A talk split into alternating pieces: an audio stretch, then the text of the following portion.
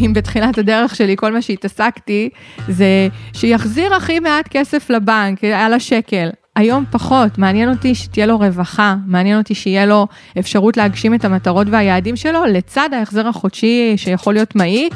ושהכול ייבנה בצורה חכמה, ואם אה, כספים עתידיים להתפנות לו, אז דווקא לא לרוץ לפרוע, אולי להשקיע באפיקים נוספים, לבחון השקעות אלטרנטיביות, שוק ההון, נדל"ן נוסף, כל מיני דברים, הרבה הרבה מעבר לבוא נקטין את המשכנתה.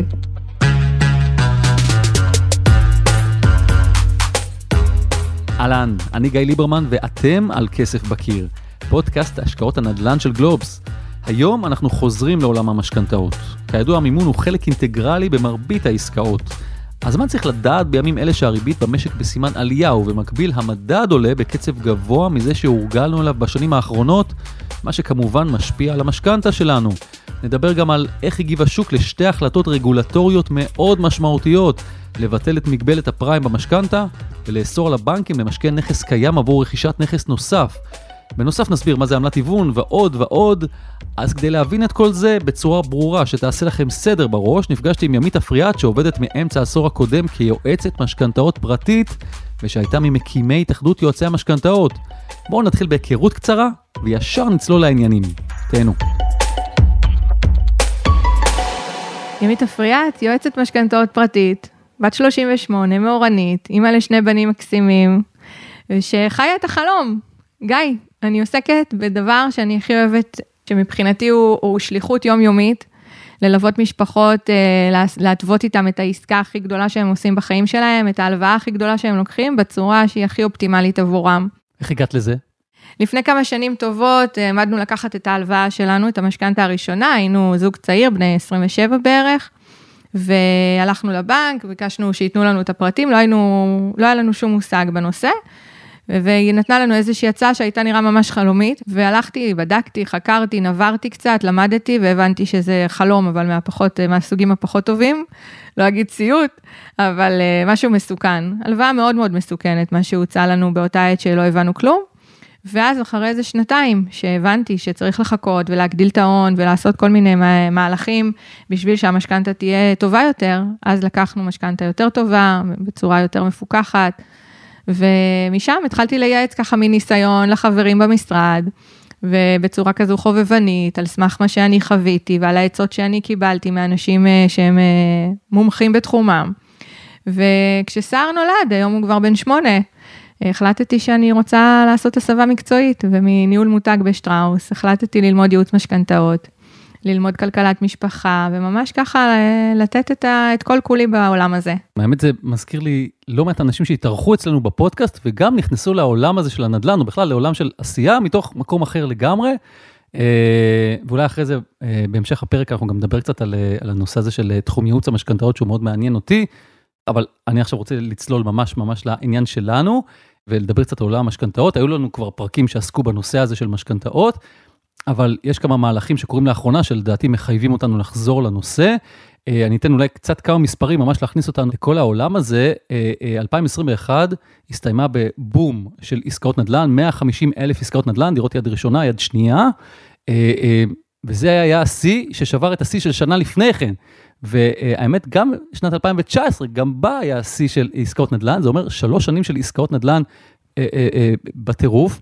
שזה גם אומר המון המון משכנתאות, וגם השוק הזה הציג המון המון אה, משכנתאות, וגם כן שיאים בכל חודש, הגענו כבר לרמה של, אה, אה, אני חושב בממוצע הוא כבר מעל 10 מיליארד שקלים בחודש הלוואות שהציבור לוקח, המון המון כסף, ומה שקרה לאחרונה זה שהשתנה לנו קצת הכיוון עם סביבת הריבית הכללית, הריבית המוניטרית, עמדה על 0.1 אחוזים, עשירית האחוז, אז לאחרונה בנק ישראל אה, שינה כיוון, ודי בהתאם למגמות העולמיות, התחיל במהלך של העלאת הריבית, ובכלל, נגיד בנק ישראל, הפרופסור אמיר ירון אה, אמר שהוא צופה שבאמצע 2023 אנחנו נגיע לרמה של 1.5 אחוזים, שזה אה, רמה שהייתה אי שם, אם נחזור אחורה בהיסטוריה, בקיץ 2013. זאת אומרת, אנחנו חוזרים לימים של אז, כשהשוק היום כמובן הוא במצב אחר לגמרי. ולכן אני אשמח להבין ממך, אחרי כל ההקדמה הארוכה הזאת, אני אוכל קצת לשתוק ולנשום, אה, להבין מה, מה זה אמור להגיד לנו כשאנחנו באים לבנק לקבל משכנתה. נכון, השוק רותח, רותח כבר שלוש שנים, באמת המחירים לא מפסיקים לעלות. ועכשיו אנחנו גם חווים את עליית המחיר במשכנתאות, גם אחרי תקופה ארוכה שהריביות היו מאוד מאוד נמוכות, מה שאפשר למשקי הבית באמת ליטול הלוואות הרבה יותר גדולות. אם היית לוקח לפני כשלוש, ארבע שנים מיליון שקל, זה היה עניין של מה בכך, היום אנשים לוקחים מיליון וחצי, מיליון שמונה מאות כעניין של מה בכך.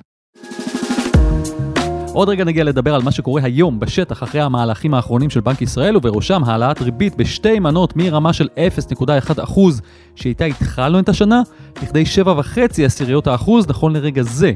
אבל לפני זה אני חייב ממש בקצרה הסבר על איך בנוי תיק משכנתאות סטנדרטי ומהם שלושת המסלולים המקובלים נקרא לזה. אז ממש על קצה המזלג ובשביל ליישר קו ביקשתי מעמית כמה מילים על המסלולים הללו. יש את ריבית הפריים שמורכבת מריבית בנק ישראל ומרווח קבוע של אחוז וחצי, זה ריבית הפריים. יש את המסלול של הקבועות, קבועה צמודה למדד או לא צמודה למדד, שמבחינה רגולטורית אתה מחויב לקחת שליש מהלוואה במסלול הזה. זה לא נתון לשיקול דעתך, אתה חייב לקחת שליש. אחר כך תבחר מה לעשות בשני שליש האחרים. אז הקבועות, היום יש ביניהם פערים מאוד מאוד גדולים בין הצמודות ללא צמודות. אתה יכול למצוא צמודות לתקופות קצרות בסביבת האחוז, לעומת הלא צמודות, בתקופות קצרות, תקופות קצרות במשכנתה זה בין 10 ל-15 שנה, כבר נושקות ל-4 אחוז. פערים מאוד מאוד מאוד גדולים. אז המסלול השלישי זה מסלול אה, שגם מאוד אה, רווח והבנקים מאוד מאוד אוהבים למכור אותו, זה המשתנה. משתנה כל חמש שנים, יש משתנה כל שנתיים, זה מסלול שהוא גם, יש אותו בצמוד מדד ולא צמוד מדד. צמוד מדד גם יחסית זול, אנחנו מדברים על סביבת ריבית של סביבות ה-2.5 אחוזים, תלוי, לפעמים אפילו פחות. הריבית ניתנת לחמש שנים, ואחרי חמש שנים היא משתנה באופן אוטומטי, לפי מה שיהיה העוגנים הממוצעים במשק. מה אנחנו צריכים להבין מהמהלך הזה של בנק ישראל בעצם, או את כיועצת משכנתאות, מה זה אומר לך כשמגיע לך לקוח, ומה את תייעצי, עוד פעם, כ- ככלל אצבע, לא כייעוץ פרטני? כשאני יושבת uh, ומתכננת ייעוץ, uh, מתכננת הרכב משכנתה, מאוד מאוד חשוב לי לראות שהלווים יכולים לעמוד בהחזר החודשי היום כפי שאנחנו בונים אותו, ועוד חמש שנים עם העליות שעתידות לקרות, ועוד עשר שנים. ולהראות להם, ולא להפחיד חס וחלילה, וגם לא תרחישי קטסטרופה. מציגה להם תרחישים סולידיים מאוד, שריבית הפריים עלתה, והיא התייצבה על מחוזות, בוא נגיד בחמש שנים הקרובות, 2.5-3 אחוזים, לא, לא תלוש, ולראות שהם לא נופלים מזה. שהוא רואה שההחזר החודשי יכול לעלות בכ-500-800 שקלים, ושהוא יעמוד בזה. ויש זוגות שאני רואה שלא יוכלו. יש זוגות שמגיעים עם איזושהי יכולת החזר מוגבלת, שכל 300 שקל שיתייקר להם, זה יבוא על חשבון משהו. הם יצטרכו לעשות אה, רגע חישוב מסלול מחדש בבית, הם יצטרכו לעשות ויתורים על משהו. אז לזוג כזה, אני פחות ארצה לחשוף אותם לסיכון הזה, ויש את האפשרות. אתה יכול לקחת אה, שליש פריים, 50 אחוז פריים, 66 אחוז פריים, אתה יכול גם לא לקחת פריים בכלל. זה אני אף פעם לא ממליצה. סביבת ריבית היום היא מאוד נמוכה של הפריים, וגם אם אותו זוג אה, אה, יגיד לי, לא, אני רוצה את הכל בקל, בקבועה לא צמודה למדד של 4 אחוזים, אני אציג לו למה זה לא נכון. אם הנגיד אומר לי, שזו אמירה דווקא מעניינת אה, אה, ואחראית, להגיד, תקשיבו, המגמה היא כזאת שעוד שנה וחצי נהיה במקום ההוא. אם הריבית תעמוד על 1.5 אחוזים. עכשיו, אני מוסיף לזה את ריבית הפריים, 3 אחוזים. אז למה לי מראש לקחת אה, אה, מסלול שנות, שאני אה, מחזיר עליו 4 אחוזים? נכון, זה מה שאני באה ואומרת, כי אנשים לפעמים נורא חוששים. אומרים, אוקיי, וזה יגיע לארבעה. נכון, יכול להיות שזה יגיע לארבעה, ויכול להיות שלא, ועד שזה יקרה, יכול להיות גם שיקרה, ייקח הרבה שנים. תהנה. ונכון, גיא, אם נגיד עכשיו ניקח אה, פריים, ונרצה למחזר אותו לקבועה לא צמודה, כי עלה הכל, אז כנראה שגם הקבועה הלא צמודה כבר לא תהיה ב-4% בעוד איקס זמן, היא יכולה להיות, תימכר בשישה או שבעה, אם הכל באמת כל כך יתייקר. אז אתה תגיד, טוב, אז לא שווה יהיה לי, אבל אי אפשר, אי אפשר לחזות את הכל. פשוט אי אפשר. מה שכן צריך לעשות, ודרך ייעוץ מקצועי, כשיש סימולטור מקצועי לפניך והכל, לראות את התרחישי סיכון, ולהיות ערוך ולהגיד, אם אתה תשב באי נוחות, אם ההחזר החודשי שלך יעלה בכ-800 שקלים, אז או שהמשכנתה גדולה עליך, או שתבחן איך אתה מגדיל הכנסות, תעשה פעולות. אין מה לעשות, אנשים לוקחים סכום מאוד מאוד גבוה, הם צריכים לדעת שהם יכולים לעמוד בהחזר שלו. בואו נעשה פאוזה קצרה כדי לחדד את מה שימית אמרה כאן. למען האמת, רק כשערכתי את הפרק, הבנתי את מה שהיא דיברה עליו בחלק הזה של השיחה, אז אני רוצה להדגיש. ההמלצה שלה כיום ללכת עם מסלול הפריים שתלוי בריבית במשק, טמונה בעובדה שמסלול זה כנראה ימשיך להיות זול יותר מהקבועה הלא צמודה, גם אם הוא יוסיף לעלות ולהגיע לערכים שעליהם מדבר נגיד בנק ישראל. אבל אם תרצו להמיר את המסלול הזה בעתיד לקבועה לא צמודה, תגלו שהיא ככל הנראה יקרה יותר מההצעה שתקבלו כיום. אז איפה יהיה לכם רווחי יותר? זו כבר החלטה שלכם, שכמובן לכל אחד יש שיקולים אחרים. בואו נמשיך עם סימולציה שביקשתי מעמית לערוך, ננסה להבין כמה היינו משלמים במסלול הפריים במצב הקודם, שבו התחלנו את השנה עם 0.1 ומה קורה אם נגיע ל-1.5 אחוזים. בכמה יתייקר מסלול הפריים? גיא, בוא ניקח לדוגמה אה, איך העליות אה, בריבית הפריים יכולות לבוא לידי ביטוי בהחזר החודשי. אז לצורך העניין, אם היה לנו חצי מיליון שקל, צמודים לריבית פריים נקי. פריים נקי נגיד היה 1.6 עד לפני חודש, בסדר? אז ההחזר שלך במסלול הזה היה 2,000 שקלים. עכשיו עלה ל-1.85, ההחזר התייקר בסביבות ה-80 שקלים. עלייה ראשונה, עכשיו, קרתה. ימית מדברת על העלאת הריבית הראשונה עליה הכריז בנק ישראל באמצע אפריל השנה. כזכור, בשבוע שעבר הריבית עלתה שוב ב-4 עשיריות האחוז, כשבמסלול הפריים מוסיפים כמובן לריבית הכללית אחוז וחצי נוספים. אז זה לא יישאר עלייה של 80 שקלים, זה יכול להכפיל את עצמו ואפילו לשלש את עצמו, אוקיי? אז אם אנחנו אה, הולכים לפי הציפיות שמדברים, שריבית בנק ישראל תעלה לאחוז וחצי, אז זה אומר שריבית הפריים תהיה כשלושה אחוזים, אז על חצי מיליון שקל אנחנו יכולים לספוג עלייה של כ-350 שקלים בהחזר החודשי. שזה 350 שקלים יותר ממה ששילמנו נגיד בתחילת 2022. נכון, שילמת 2,000 שקל על אותם חצי מיליון, עכשיו תשלם 2,350 על אותו מרכיב בלבד שצמוד לפריים. וזה בדיוק מחזיר אותנו לשיחה של הרגע לבדוק שאותו תא משפחתי או אדם יכולים יהיו לעמוד בשינויים האלה. כל עוד אין להם, אה, זה לא יגרום להם לאי נוחות, והיכולת החזר שלהם מאפשרת את זה, אין מה להירתע, הכל טוב. אם 300, 400, 800 שקלים, גם כי אנחנו לא יודעים איפה זה ייגמר, יכול לגרום להם לאי נוחות, לוויתורים, לבטל לילד חוג או דברים כאלה קיצוניים, אז צריך לעשות חישוב באמת, האם נכון להם להיות צמודים למרכיב כזה תנודתי. אז מבחינתך, העלאות הריבית של בנק ישראל זה לא דרמה. מבחינתי לא. אם אני הייתי יכולה, הייתי לוקחת את ההלוואה שלי ב-100% פריים. ממש לא מפחדת. אוקיי. גם נוח, גיא, זה מסלול שניתן לפרוע אותו בכל עת, אין עליו קנסות. לא נעים קנסות. המשכנתה הראשונה שלקחתי היה לי 50 אלף שקל קנס בגלל הקבועות הלא צמודות. במשכנתה השנייה 15 אלף שקל. אז נכון, זה חלק מהעניין, ואני שמחה על הקנסות האלה, כי זה אפשר לי להתקדם בחיים, בזכות המשכנתה הצלחתי לקנות דירה, ואחר כך למכור, ועוד אחת וכולי, אז אני לא, אתה יודע, אומרת, או, איזה באסה, שילמתי 50 אלף שקל קנס, אני כן רואה בזה הרבה הרבה דברים חיוביים, אבל אם אפשר להימנע, כמו לקחת מרכיב יותר גדול בפריים, עדיף בעיניי. שוב, הכל עניין של תכנון, אם אין בכלל באופק אה, עליות שכר, וכמו שאמרנו, אם אין באופק אה, אפשרות לעמוד בשני, בפני התנודות, והנכס לטווח ארוך, אז אולי לא נחשוף את אותו לווה למרכיב פריים מאוד גדול. כל מקרה לגופו. הבנתי. בואי נדבר, חוץ מה, מהפריים ש, אה, שאת לא כל כך חוששת ממנו, כן נדבר על עליית המחירים. מה זה אומר לי שבשנה יש עליית מדד של 3% על תיק המשכנתה שלי? זה אומר שאם לצורך העניין לקחת 100 אלף שקל שצמודים למדד, והמדד עלה בכשלושה אחוזים, הקרן שלך, החוב שלך התייקר ב-3,000 שקלים. שילמת כל חודש מהמסלול הזה, סתם אני זורקת, 100 אה, שקלים, כל חודש כפול 12, 1,200, אבל החוב עלה ב-3,000. הזוי? כן, זה המצב. וזה פחות אידיאלי, אבל גם פה עוד פעם, צריך לנהל את הסיכונים ולראות, מתאים לבן אדם ההלוואה מהסוג הזה, לא מתאים, עדיף להימנע. אני יכולה להגיד לך שהיום אני נמנעת אה, מאוד מהצמודי מדד. אם תראה את ההלוואות שאני מרכיבה, אז הן בעיקר אה, מורכבות מפריים וקבועות לא צמודות, וכן, יש הלוואות צמודות, וזה תלוי בעסקה. אז בעצם מה שאת אומרת זה שבזמן שכולם מדברים על הפריים, אנחנו צריכים לחשוש הרבה יותר מעליית המנדט, מעליית המחירים, מהאינפלציה. זה מה שאני חושבת, בדיוק. אנחנו רואים שהכל מתייקר בטירוף, מהפסטה ועד למחירי הנדל"ן. אנחנו רואים שהכל מתייקר. תסתכל על חופשות שאתה רוצה לעשות בארץ ובחו"ל, המחירים עלו משמעותית, הביגוד, אין סיילים כמעט, אין אינסנטיב לעשות סיילים, כי אנשים פשוט באים וקונים, לא מעניין אותם מבצעים.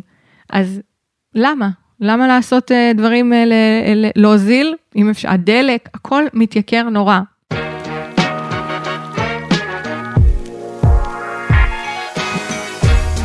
סיכום ביניים, שימו עין אחת על הפריים, אבל את השנייה תכוונו למדד, כי גם משם יכולות להגיע הצהרות, בטח בימים אלה.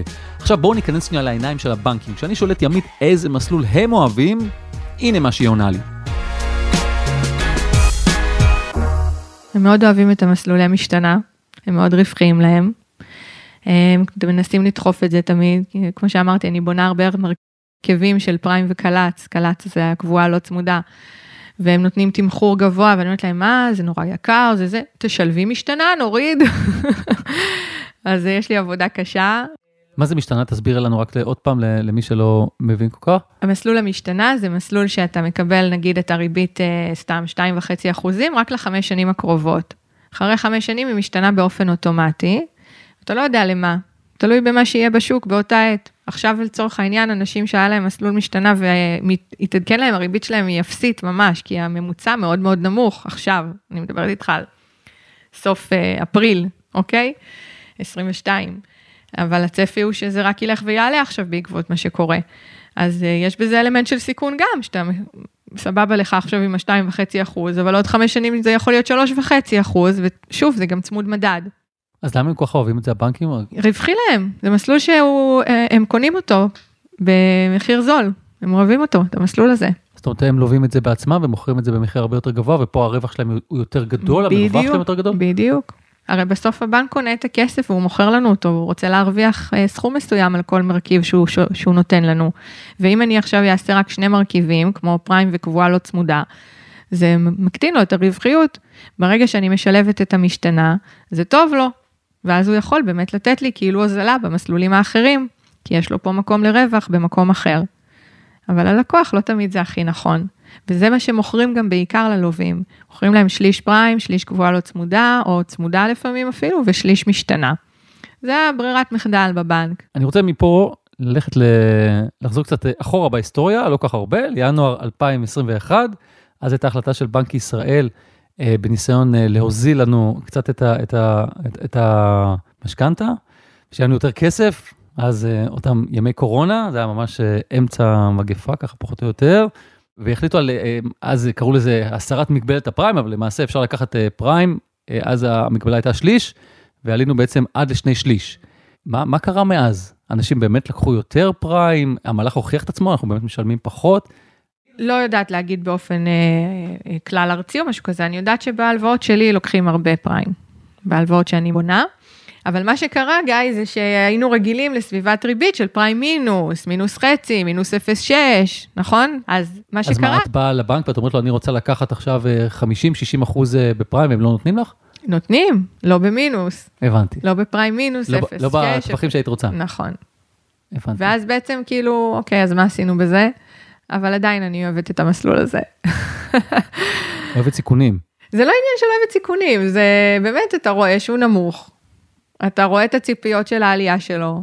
אני עוד פעם אומרת, זה שאין לו עמלות היוון זה נורא נוח. כי עמלות ההיוון פוגשות אותם, את האנשים, והם מקבלים חום. אני לא מאמין, 50 אלף שקל קנס, 60 אלף שקל קנס, שילמתי חמש שנים, אני חייב את אותו דבר אחרי עמלת היוון. זה לא נתפס. עכשיו תכף להסביר לנו מה זה עמלת היוון. עמלת היוון זה בעצם סיטואציה שנגיד עכשיו לקחת כסף מהבנק בריבית של 3 אחוזים, ואתה בא לפרוע את המשכנתה שלך עוד 5 שנים, הבנק בודק. גיא, סליחה, מכרתי לך ב-3 אחוזים, עכשיו אני צריך למכור את זה ב-2.5? תשלם לי על זה. נשאר לך עוד 10 שנים לשלם, אני מאבן לך את הסכום, את החצי אחוז הזה, נוסחה כלשהי, תשלם לי עכשיו קנס. אם אנחנו הולכים לעולם המשכנתאות, עבור משקיעים, מה אני צריך לדעת? יש איזה דברים שהם אה, שונים, כי בסופו של דבר זו דירה וזו דירה. תוכנית עסקית, כמו כל דבר. תוכנית עסקית, כמה זמן אתה הולך להחזיק בנכס, מה המטרות שלך, האם אתה רוצה שההכנסה מהשכירות תכסה את המשכנתה, אתה רוצה עודף, אתה רוצה יותר לשלם בשביל שהקרן תנגס יותר, ממש תוכנית עסקית. חמש, עוד פעם, תלוי, יש כאלה שמשקיעי נדל"ן שהם מחזיקים, בנכ... רוצים לצבור נכסים ולהחזיק בהם כמה שיותר שנים. זה יהיה הבדל של שמיים וארץ בהרכב. אה, שנבנה למשכנתה שלו, לעומת זה שרוצה תוך שנתיים למכור את הנכס. אגב, אם מדברים על שינויים רג- רגולטוריים, אז גם כן, לפני לא כל כך הרבה זמן, אה, החלטה של בנק ישראל לא לאפשר יותר לקחת משכנתה על נכס קיים, כדי להיעזר בזה לרכישת נכס נוסף. איך זה השפיע לדעתך על השוק? יש פתרונות חוץ-בנקאיים היום שנותנים את המענה הזה. אה, שהם זה- הרבה יותר יקרים, או שהם לא גם הרבה כן... יותר, לא הרבה יותר, לא הרבה יותר יקרים. אבל כן, היה, היה נוח לקחת uh, כסף על נכס קיים, הריביות היו נוחות. אני, מאז שהחוק הזה יצא, שזה חצי שנה בערך, עשיתי משכנתה אחת uh, בחוץ-בנקאי. ולפני כן עשיתי מלא על, על נכסים קיימים. אז אה, זה נראה, מרגיש כן צינן קצת. אגב, בעניין הזה, ימית אומרת שהסיבות לכך יכולות להיות גם שהציבור פחות מכיר את המסלול הזה של מימון חוץ-בנקאי שמחלץ הון מנכס קיים, ובעצם מהווה תחליף לבנקים. או שאולי יש חשש מובנה לאנשים מגופים כאלה. כך או אחרת, זה גם חומר למחשבה עבורנו, עבורי, לבדוק בעתיד את הנושא הזה. טוב, אנחנו מתקדמים, ולפני שנסיים אני רוצה לדבר על התחום עצמו של ייעוץ המשכנתאות. בתחושה שלי יש בשוק היום מספר הולך וגדל של יועצי משכנתאות. אז ביקשתי מימית להסביר מה השירות הזה כולל, היא התחילה בקצת מורשת קרב. בואי נדבר קצת על עולם ייעוץ המשכנתאות. יכול להיות שאני מתורגת, ו- ו- כי אני מתעסק אה, בנדל"ן, כותב נדל"ן, ו- ופודקאסט ועניינים, אז כל הזמן אני רואה אצלי ברשתות החברתיות המון המון אה, אה, אה, פרסומות ליועצי משכנתאות, אבל בכלל יש לי תחושה שהתחום הזה בפריחה, ויש היום המון המון יועצי משכנתאות, ורציתי לשאול אותך, כללי אצבע, מה אני אמור לצפות מיועץ, יועצת משכנתאות? זאת אומרת, מה המסלול ש- שאמורים ללוות אותי יד ביד, ומתי אנחנו נפרדים? אז באמת זה תחום שמאוד מאוד אה, צומח. לא יודעת אם אתה ער לכך שבשנת 2016, אחד הבנקים הגדולים בכלל ניסה למחוק את התחום הזה. הוא ניסה להביא מצב שהציבור לא יוכל לקבל ייעוץ בכלל, בכלל, בכלל. ברמה שלקוח היה יושב בבנק עם יועץ, והוא היה אומר לו, תצא. הם קיבלו הנחיה, הבנקאים, להוציא את היועצים הפרטיים מהסניפים. לא הלך להם. לא הלך להם. אני הייתי ככה בתחילת הדרך, התחלתי להתעסק בתחום בסביבות שנת 2015, נכנסתי לתחום, ואמרתי, לא יעלה על הדעת שהציבור לא יוכל לקבל ייעוץ אובייקטיבי. בדבר כזה מסובך, שאין לך מושג מה מומי, לא לתת ייעוץ. אספתי כמה אנשים, אה, וחברנו, לי, הייתה לי ולחבר איזה קבוצת פייסבוק כזו של התייעצויות של יועצים. שהיינו שמשתפים בנקאים באזורים מסוימים בארץ, שמאים, קצת ציורי מוחות, אספנו אותם אה, באיזה חדר בפתח תקווה, במכללת פסגות שם, אספנו כסף מכל אחד, הם פשוט הוציאו פנקס צ'קים, אמרו מה שצריך אנחנו שמים. לקחנו את הכסף, עלינו לכנסת ישראל, לקחנו לוביסט, לקחנו אה, יועץ אה, משפטי, יח"צ, דפקנו על כמה שולחנות, ויצאה הוראה של בנק ישראל תוך חודשיים. תוך חודשיים, גיא, יצאה הוראה שאין לבנקים אפשרות אה, למנוע מהציבור את הייעוץ האובייקטיבי, וזה לגמרי שינה את פני המקצוע. מאז באמת המודעות, וגם בעקבות הפעילות אה, מאוד ענפה של התאחדות יועצי המשכנתאות במדיה והכול, הציב, הציבור אה, במודעות הרבה יותר גדולה כלפי זה. אני חושבת שהיום אה, כ-40% מנוטלי המשכנתאות נעזרים ביועץ, עדיין יש פלח שוק מאוד מאוד רחב שלו, וגם זה הולך וגדל.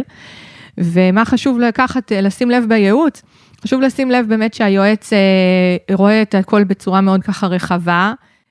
אם בתחילת הדרך שלי כל מה שהתעסקתי זה שיחזיר הכי מעט כסף לבנק על השקל. היום פחות, מעניין אותי שתהיה לו רווחה, מעניין אותי שיהיה לו אפשרות להגשים את המטרות והיעדים שלו, לצד ההחזר החודשי שיכול להיות מעיק, ושהכול ייבנה בצורה חכמה, ואם כספים עתידיים להתפנות לו, אז דווקא לא לרוץ לפרוע, אולי להשקיע באפיקים נוספים, לבחון השקעות אלטרנטיביות, שוק ההון, נדל"ן נוסף, כל מיני דברים, הרבה הרבה מעבר לבוא נקטין את המשכנתה, כי כל עוד הוא חי איתה בשלום ומשולמת והכל בסדר, וזה חלק מהשוטף שלו, מה-ongoing, אני אומרת זה בסדר גמור. אז באמת לשים לב שהיועץ יודע להסתכל על הדברים ככה בצורה מאוד רחבה, ולא רק על השקל ועל כמה הוא יחזיר בסוף לבנק ב-25 שנה, כי גם בינינו אף אחד לא מחזיק באמת משכנתה 25 שנה, ממוצע הוא כשבע שנים, ועושים פירעונות ומוכרים, והרבה דברים קורים בדרך, אז זה לא כזה מעניין לראות את ההחזר הכולל של 30 או 25 שנה. שיהיה מקצועי, רצוי שיהיה לו קשרים, קשרים זה מאוד מאוד מאוד חשוב בבנקים, אה, ברמת ההנהלות, בשביל לקדם דברים, בשביל לקבל דברים אה, אה, אטרקטיביים. להביא מתנות לחג? זה מה שאת יועצת? לא, להיות אנושי, אמין, אמין, זה הכי חשוב. תקשורת טובה עם, היו, עם הלקוח, באמת, להיות זמין לו, סבלני ומקצועי, ולתת מענה לכל השאלות, וגם אם אתה לא יודע משהו, זה בסדר להגיד לו, אני לא יודע, ולבדוק ולא לחרטט. הדברים האלה הם סופר סופר חשובים. עכשיו, כשאני בא ליועץ משכנתאות, ואני אומר לו, אוקיי, אני רוצה לקנות את הדירה הזאת, פה יש לי דירה ברעננה, אני צריך אה, אה, כנראה משהו כמו הלוואה של מיליון שקלים. לא, רעננה, אני צריך שני מיליון שקלים. בדיוק, גיא. אה, אז, אז יועץ המשכנתאות, הוא הולך ועושה את השופינג בעצמו, ואז הוא בא אליי ואומר לי, אוקיי, בדקתי, בבנק הזה תקבל ככה, בבנק ההוא תקבל ככה, בבנק ההוא תקבל ככה, או שאנחנו עושים את זה ביחד, אנחנו הולכים ממש יד ביד. אני אגלה לך סוד מקצועי שלי, אני כמעט ולא עושה שופינג. אני היום אה, עם המקצועיות והקשרים והמומחיות שלי, אני יודעת אה, להגיע לתוצאה הרצויה כמעט בנגיעה אחת, הלוואי והייתי אומרת ב-100%, אבל אני כן יודעת לבקש, לא, לא נותנים, לבקש את התנאים הכי הכי טובים שהשוק יודע להציע, לקבל אותם ולעשות בדיקה, עדיין מול האחרים, שבאמת לא ניתן אה, לשפר את מה שהשגתי. אה, כן, יועצים חדשים, אה, יהיה להם יותר קשה לעשות את זה, אז הם באמת יצטרכו לפנות לכמה וכמה בנקים ולעשות את הבדיקה הזאת, וזה בדיוק התפקיד. אתה לא צריך לעשות כלום. כשאתה מחליט לקחת ייעוץ משכנתה באופן, בליווי מלא נקרא לזה, אתה לא עושה כלום. אתה צריך לספק את המסמכים הדרושים, בכדי שהוא יוכל לבצע את ההגשות, תלושים, עובר ושב, דברים כאלה בסיסיים, ולבוא לחתום איפה שיגידו לך. עכשיו אמרת משהו, ייעוץ מלא. מה זה ייעוץ לא מלא? יש אפשרות גם לבנות נגיד רק הרכב. ימית, אני אוהב את הבנקים, אני אוהב לעשות את המשא ומתן, יש לי את הזמן לזה, אני רק צריך את העזרה שלך שנבנה הרכב אה, שנכון לי, שאני לא אעשה שם טעויות. זה גם שירות שאפשר לקבל בהחלט. גיא, ההרכב הוא הכי חשוב בעיניי. על לבנות, על להגיד כמה כסף אתה מביא לעסקה, כמה כסף בכל מסלול, לאיזה תקופה, זה הדבר הכי חשוב. אחרי זה תלך לעשות את השופינג על הריביות, אתה תגיע לתוצאה טובה כמוני. אולי ייקח לך הרבה יותר זמן, אבל אם יש לך אותו ואת האנרגיה להשקיע בזה, סבבה. כי בסוף אתה משלם בליווי המלא בשביל לחסוך לעצמך זמן, המון זמן, ואיזשהו שקט נפשי. אם יש לך רצון לעשות את זה בעצמך, אתה תגיע לתוצאה לא פחות טובה מהיועץ, מבחינת הריביות. ימית, אני מאוד מודה לך שבאת אלינו. תודה רבה, גיא, שהזמנת אותי. עד כאן ימית, וכמובן שלא ניפרד בלי פינת הפרשנות שלנו. בואו נגיד שלום לאריק מירובסקי, פרשן הנדל"ן הבכיר של גלובס. מה נשמע אריק? נהדר, גיא. ואנחנו חוזרים לדבר על משכנתאות. איך לא, בזמן שיש אה, הרבה מאוד שינויים אה, במשק והריבית מתחילה אה, לצמוח. אה, ימית מדברת על זה ש, שהיא לא חוששת ממרכיב הפריים וממליצה עליו, גם אם זה יעלה יותר, היא מעדיפה את המסלול הזה. מה אתה חושב על, ה, על ההמלצה הזו שלה? אה, שני דברים. קודם כל, אה, משכנתה זה משהו מאוד אישי. וכשאתה לוקח אה, מסלול משכנתה, זה משהו שצריך להיות תפור לך ומתאים לך ולאחרים לאו דווקא. לכן אני לא רוצה לקבוע מסמרות. יחד עם זה, אני, הדברים שהיא אומרת, הם לא, אינם אה, תלושים, הם אינם תלושים. אנחנו במצב שבו גם המדד עולה וגם הריבית פריים עולה. נכון, לעכשיו אה, יש אה, פערים משמעותיים לטובת מסלולי הפריים לעומת המסלול הקבוע צמוד המדד, שגם הוא מן הסתם ירשום עלייה. אה, להתחיל אה, לבוא ולהגיד שגם אם הריבית פריים תעלה לרמות של 2-3 אחוזים ומעלה, המצב יימשך כך, אני לא יודע. אבל צריך לקחת בחשבון שהריבית הקבועה היא גם עולה, וגם יתר המסלולים, אין פה איזה הוקוס פוקוס. לכן הדברים נכונים נכון לעכשיו, אבל אה, צריך יהיה לבדוק אותם בהמשך. מה בעצם אנחנו צריכים לדעת היום, או על מה צריך לשים לב כשאנחנו באים היום לקחת משכנתה, או שיש לנו משכנתה קיימת ואנחנו חושבים אולי למחזר אותה? זאת אומרת, במצב הנוכחי, מה היית ממליץ לאנשים ככה כמשהו כללי כמובן? להסתכל על הכל בזכוכית מגדלת, ומתוך אה, אה, איזושהי השקפה שהמצב עומד אה, להשתנות מבחינה זו שהריביות יעלו, ההחזרים החודשיים יעלו, ושיש סיכוי שמחירי הדירות ירדו. ואם מחירי הדירות ירדו, אז השאלה כמה משכנתה, או כמה אחוז ממחיר הדירה מוכנים אה, להשקיע אה, במשכנתה. וזו בעיה גדולה. אגב, היום, גיא, אנחנו נמצאים במצב שהוא, כולם מדברים על הזוגות הצעירים שלא יכולים לרכוש דירה, אבל שוכחים את אלה שכן רכשו דירות בשנים האחרונות, ולהם לא רק שאין אינטרס שמחירי הדירות ירדו, יש להם אינטרס מאוד חיוני שמחירי הדירות ימשיכו לעלות, משום ש... למה? קח לדוגמה אה, משק בית שרכש דירת ארבעה חדרים, אה, נאמר במיליון שקל, ומתוך המיליון הזה, 700 אלף זה משכנתה. והווה אומר, יש פה הון עצמי של 300 אלף שקל בלבד על הדירה הזאת. מה שאומרים, אה, אה, נוטים לומר, ולא, ולא בצדק, אה, הדירה היא של הבנק. לא כל כך פשוט.